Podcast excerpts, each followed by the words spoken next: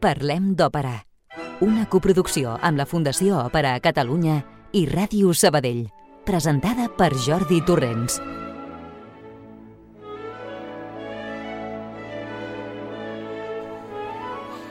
Bona tarda, bon vespre, bona nit. Trieu segons les vostres preferències. Així com qui no vol la cosa, ja hem arribat al darrer programa i també darrer dia de novembre, o sigui que ja hem gastat 3 mesos, 13 programes d'aquesta nova temporada, que ja no és tan nova, de Parlem d'Òpera. Falta ben poc pel Nadal i els comerços i els guarniments de carrer ens ho recorden a cada pas. A comprar tot allò que necessitem, però la consigna és gastar. Ara bé, aquest any l'amiga inflació ja es preocuparà de fer-nos un bon forat a la butxaca, no? El nostre programa, però, no us en farà cap de forat, ans al contrari. Estigueu atents. Programa número 543, 30 de novembre, dia de Sant Andreu Apòstol. Rocío García, el control de so, qui us parla, Jordi Torrents, us donem una cordial benvinguda.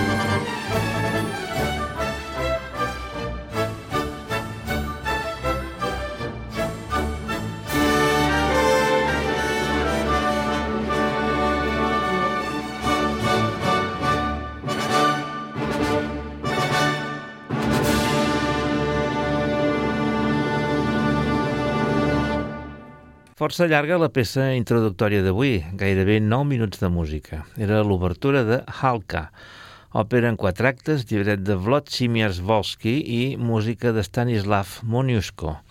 Estrenada a Vilnius, la capital de Lituània, el 28 de febrer de 1854, en una versió en dos actes. La versió en quatre actes es va veure per primer cop a Varsòvia el 1 de gener de 1858. Avui en dia és considerada com l'òpera nacional polonesa. N'hem sentit la versió de l'Orquestra de l'Òpera Nacional eh, Polonesa de Varsòvia eh, sota la batuta de Robert Satanowski, d'un enregistrament en viu de l'any 1986. Tan polonesa és aquesta òpera que rarament es veu fora del seu país d'origen, però de vegades hi ha alguna excepció i així ha estat durant aquest mes de novembre que avui tanquem.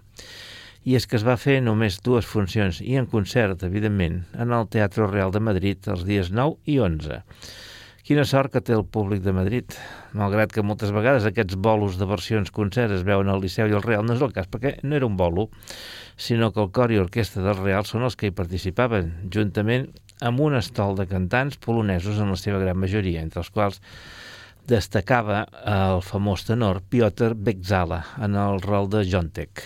Es, es va proposar la segona versió d'aquesta òpera, la de quatre actes. Bé, suposo que haurem d'esperar alguna altra ocasió per veure Halka o bé fer una escapada a Polònia.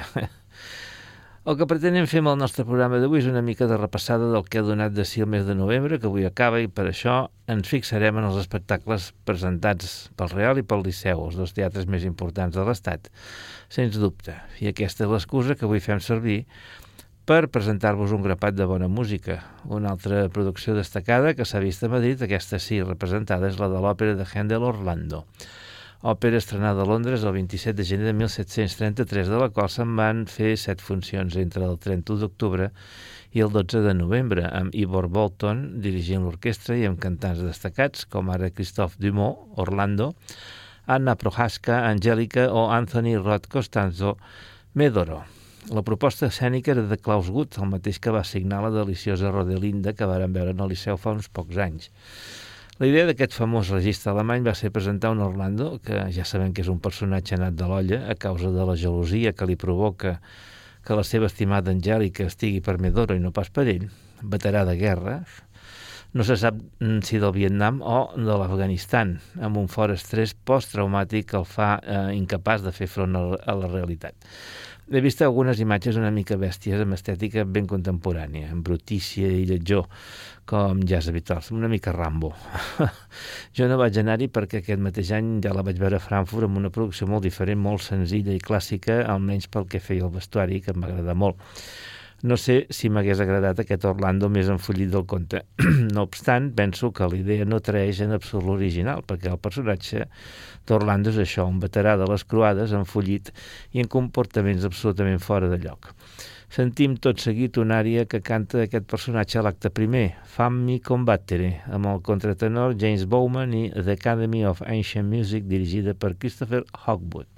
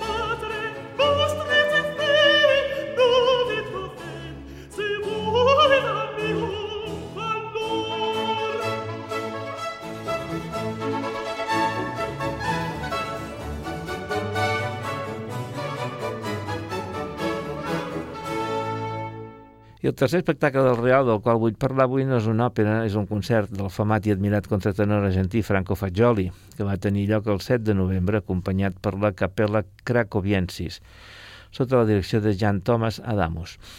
Malgrat que és un dels típics concerts que fan tots aquests famosos quan promocionen un disc que acaben de treure al mercat, sembla que passarà de llarg de Barcelona, on això sí el podrem veure més endavant en aquesta mateixa temporada en altres coses.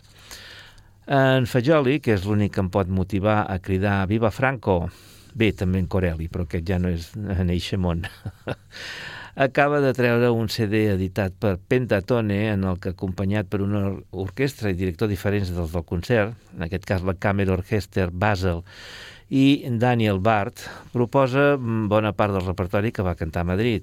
El CD en qüestió es diu Anime Immortali i consisteix en la seva totalitat en àrees de Mozart, escrites originalment per a Castrati. El CD conté àrees de la Finta Jardiniera, Lucio Silla, Davide Penitente i la Clemenza di Tito, així com el conegut motet Exultate Jubilate, que normalment ara canten sopranos, però que Mozart eh, va compondre eh, el 1773 per al castrat Venanzio Rauzzini. El concert del Real eh, va incloure àrees de la Finta Jardiniera, de Lucio Silla i la Clemenza di Tito, així com el motet. Igualment, l'orquestra va alternar moviments sinfònics de Schubert i es va interpretar també el meravellós quintet amb clarinet de Mozart, Kegel 581. Penso que devia ser un concert molt guapo i que segur va valer la pena pels que van tenir la sort d'assistir-hi. I ara, per il·lustrar-vos aquest concert, sentirem a la veu de Fagioli i la Camera Orchester Basel sota la batuta de Daniel Bar, l'àrea Se l'Augelin se'n fugge, que canta el personatge de Ramiro a la Finta Jardiniera, òpera que es va estrenar a Múnich el 13 de gener de 1775. Endavant.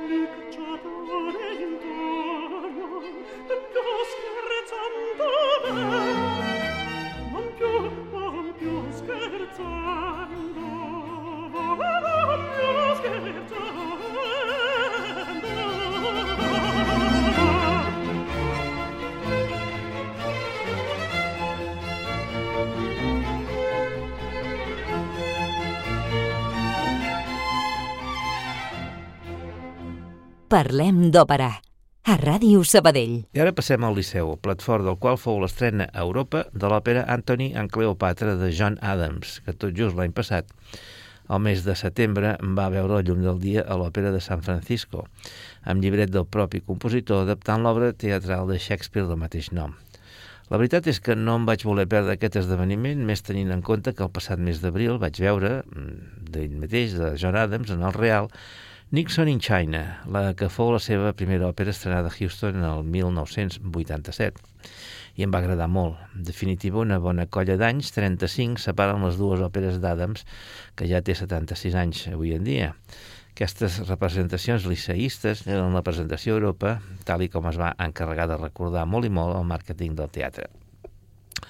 I un al·licient més era que el propi John Adams dirigiria l'orquestra, cosa que no havia fet en l'estrena absoluta a San Francisco. Sis foren les funcions ofertes, començant el 28 d'octubre i fins al 8 de novembre. Jo hi vaig anar el dissabte 4 de novembre. Uh, la direcció escènica anava a càrrec del Canà Pulitzer, que la va situar en plena època feixista italiana. Hi havia escenes a Alexandria, però també a Roma, anys 30 del segle passat. La concepció escènica va estar molt bé, diria que fins i tot brillant, amb una il·luminació fosca en tot moment. El repartiment vocal encapçalaven el veterà baríton canadenc Gerald Finley, Antoni, que debutava al Liceu, la soprano Julia Bullock, Cleopatra, que no era cap meravella amb uns aguts àsprets i cridats. La resta del repartiment, format per cantants anglosaxons i uns quants catalans de la casa, va estar molt bé. Adams, no cal dir-ho, va dirigir molt bé l'orquestra, molt de trem, i hem de suposar que va fer que sonés com ell volia, que per alguna cosa era el pare i la mare de la criatura. I ara m'ha agradar. Doncs mireu, penso que l'estil d'Adams ha evolucionat i aquesta òpera és una mica feixuga, no perquè sigui atonal, que no ho és, sinó per una orquestració extremadament densa amb un cert abús dels metalls, que queda molt lluny d'aquell minimalisme vaporós i repetitiu, si voleu, de Nixon in China, que tant em va agradar. No diré que Antoni en Cleopatra em desagradés en absolut, però se'm va fer llarga i crec que mitja hora menys quedaria molt més rodona. Una altra cosa que em vaig preguntar és si per una òpera de nova creació encara són vàlids aquests temes de l'antiguitat. No ho sé. Bé, no hi ha música encara d'aquesta òpera en format comercial, així que hem d'acudir a YouTube, on es poden trobar alguns fragments de l'estrena. Això és el que us puc fer sentir, ho sento. un tros de duet dels dos protagonistes, sengles trossos de monòlegs d'ells i un conjunt de diversos fragments, aquest sí que és del Liceu. En els fragments de San Francisco, Anthony és també Gerald Finley, però Cleopatra és Amina Edris, ja que Julia Bullock, qui estava destinat al paper, no el va poder estrenar perquè, si no m'equivoco, estava embarassada. En el del Liceu, a banda de Gerald Finley i Julia Bullock, sentim Alfred Walker, Eno Barbus, Paul Appleby, César, Elizabeth Deschamps, Octavia, Adriana Vinyani Lesca, Charmian i el cor. Eh, sentim, doncs, aquesta música que us deia.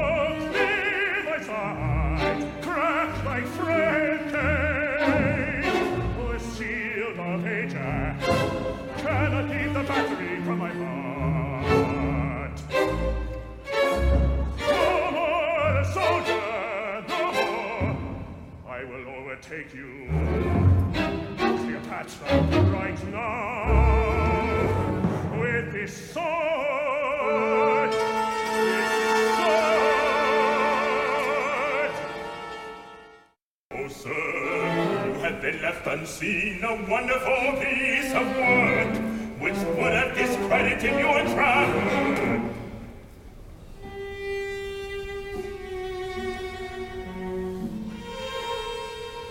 Fulvia is dead. I learn you take things ill that are not so, or being so concern you not. Tis not your name concerns me not. I Caesar, what was it to you? No more than my hiding here in Rome might be to you in Egypt. And Venus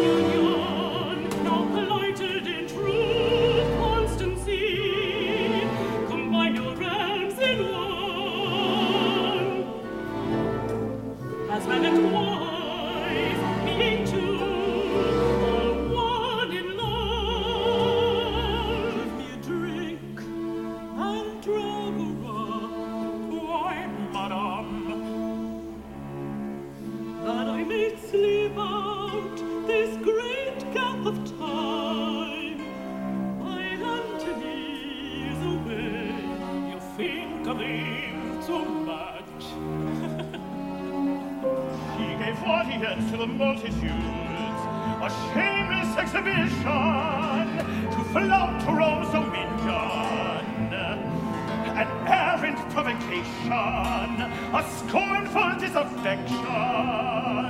Sinicum, and their tongues rot that speak against us.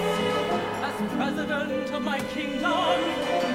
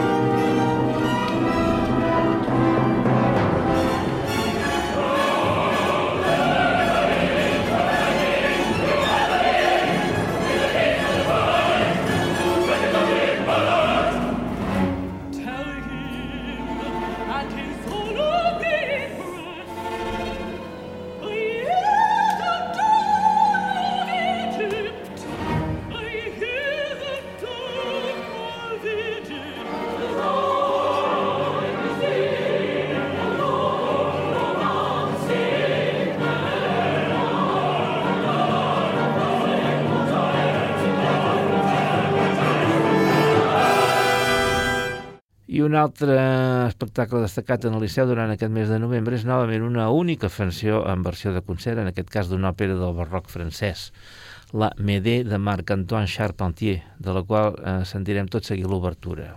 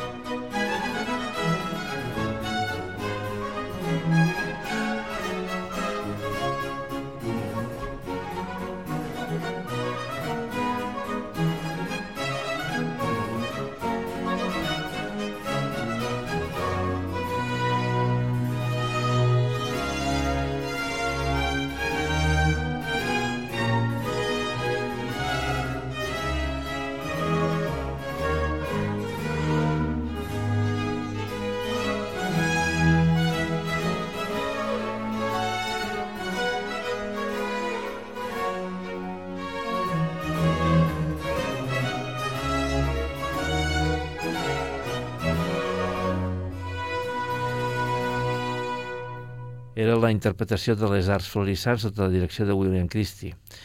Eh, Aquesta coneguda obra del barroc francès, l'òpera més famosa del seu autor, que tanmateix avui en dia és recordat sobretot pel seu Te Deum, l'inici del qual és la sintonia d'Eurovisió, és una tragèdia lírica en un pròleg i cinc actes. En llibret de Thomas Cornell, el germà de Pierre Corneille, i fou estrenada a l'Acadèmie Royale de Musique, el que avui en dia és l'Òpera de París, el 4 de desembre de 1693. La seva presència en el Liceu és excepcional i és fruit, aquesta sí, d'un bolo. Tocarà la molt prestigiosa Freiburger Baroque Orchester, juntament amb el cor de l'Estaatsoper de Berlín i a la batuta el molt famós director britànic Sir Simon Rattle, tot un nom de primeríssima línia. Encapçala el repartiment la seva esposa, que és un altre nom destacadíssim, la mezzosoprano txeca Magdalena Kozena. Completen el repartiment Renaud Van Mechelen, eh, Jason, Luca Titoto, Creon, Caroline Samson, Creuse, Julia Oren, Oronte i Angela Hicks Cleone, entre d'altres. Jo hi vaig, eh, jo hi vaig i quan sentiu aquest programa la, ja haurà tingut lloc però no mentre el gravem, ja sabeu, allò del directe diferit, etc. El programa l'estem enregistrant dilluns 27 de novembre al matí, la MED es veurà en el Liceu aquest mateix vespre a dos quarts de vuit. Per tant, no puc dir com ha anat. Ara sentirem un segon fragment de la MED de Marc-Antoine Charpentier que explica la llegenda mitològica de l'enfollida Medea. El que sentirem és de l'acte primer, el cor dels corintis, Courir au Champ de Mar, amb l'Isard Florissant i William Christie al capdavant.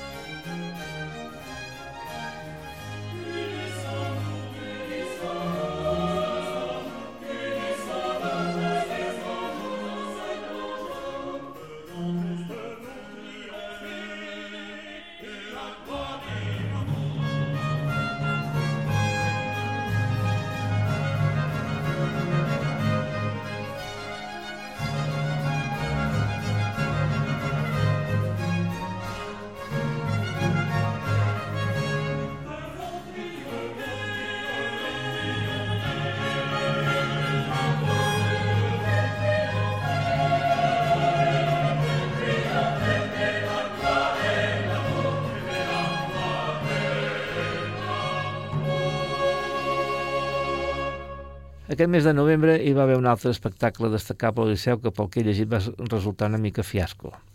Es tracta del que es va dir Gala Centenari Victòria de Los Ángeles. Com sabeu, la mítica soprano barcelonina va néixer el 1 de novembre de 1923. S'han complert doncs 100 anys de l'esdeveniment i sembla que el tal homenatge on el Liceu només era el marc i l'organització, segons sembla, va anar a càrrec de la Fundació Victòria de Los Ángeles, que sembla que no s'hi va lluir gaire. Eh, el format era el de les gales del Met, amb un ampli conjunt de cantants, totes femenines, que van interpretar diferents peces, tant àries com líder, que van significar fites importants en la carrera de Victòria. A mi aquests formats no m'agraden i ni se'm va passar pel cap d'anar-hi, i pel que vaig llegir vaig fer bé. Hi van participar Maria Agresta, Sara Connolly, Joyce Di Donato, Irene Teorín, Marina Biotti, Luis Alder, aquesta, però, em sembla que al final va fallar. Juliana Grigorian, Sabina Puertolas, Fatma Said i Helena Resurreissao. Eh, però sembla que ni una mala gravació de l'homenatjada. Eh? És fort, això, eh? I ara em preguntareu també si és que aquest programa s'ha oblidat del centenari de la gran artista. La veritat és que no, tot i que varen dedicar un programa sencer com va fer 10 anys de la seva mort, el programa 177, el 15 de gener de 2015, sí que farem un programa pel seu centenari, que serà el següent. El que passa és que serà compartit amb un altre mite, ja que el 2 de desembre commemorem un altre centenari de naixement, el de Maria Cales. O sigui que ajuntarem els, els centenaris de Victòria i Maria, nascudes amb només un mes i un dia de diferència.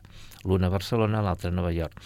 I com a il·lustració musical d'aquest bloc us proposaré una peça que jo personalment penso que és meravellosa i exquisida i que fou la primera interpretada en aquella gala d'homenatge i és un lit de Schubert, Andy Music, a la música. Victòria de Los Angeles amb Gerald Moore al piano.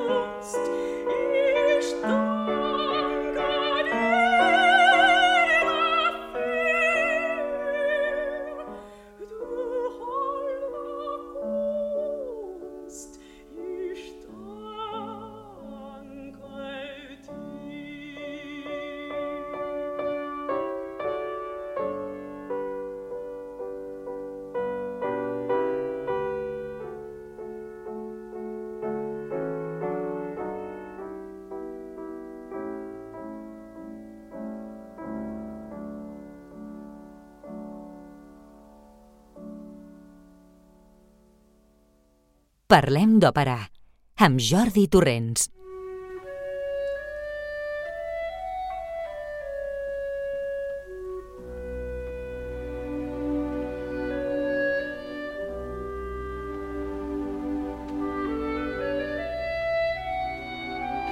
I avui és el dia límit per parlar-vos dels personatges del mes de novembre. Us presentarem dues veus greus, un baríton i una mezzo soprano.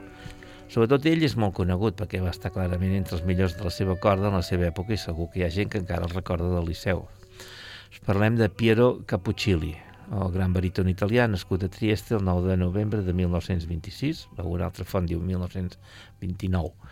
La primera vocació seva fou l'arquitectura, però per fortuna l'òpera es va creuar en el seu camí de forma una mica casual, sent una vocació una mica tardana, eh, començant amb petits papers de la seva ciutat natal i debutant oficialment el 1957 en el Teatre Nuovo de Milà com eh, Tonio Pagliacci a l'escala i debutar el 1964 com Enrico Lucia di Lammermoor, quedant com un dels fixes de la casa.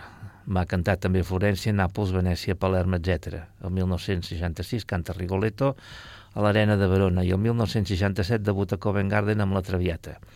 1975 ho fan al Festival de Salzburg amb un Don Carlo de la mà de Karajan.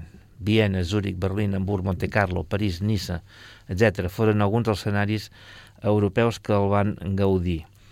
En el Liceu hi va cantar entre el 1961 i el 1991, um, sobretot repertori verdià la seva carrera fou més europea que no pas americana, cantant una funció de la Traviata en el Met el 1960, però també va actuar a Chicago, Washington i Filadèlfia. A l'Amèrica del Sud es presentà a Rio de Janeiro i en el Colón de Buenos Aires. La seva carrera va acabar abruptament l'estiu de 1992, quan tornant d'una representació de Nabucco a l'Arena, va patir un greu accident de trànsit que el va forçar a retirar-se, però es va dedicar a la docència a partir d'aleshores. Piero Cappuccilli va morir a la seva natal Trieste el 12 de juliol de 1975. I ara el sentirem cantant Si Vincemmo del primer acte del Pirata de Bellini, personatge d'Ernesto, amb el cor i orquestra de la Rei de Roma sota la direcció de Gian Andrea Gavazzeni.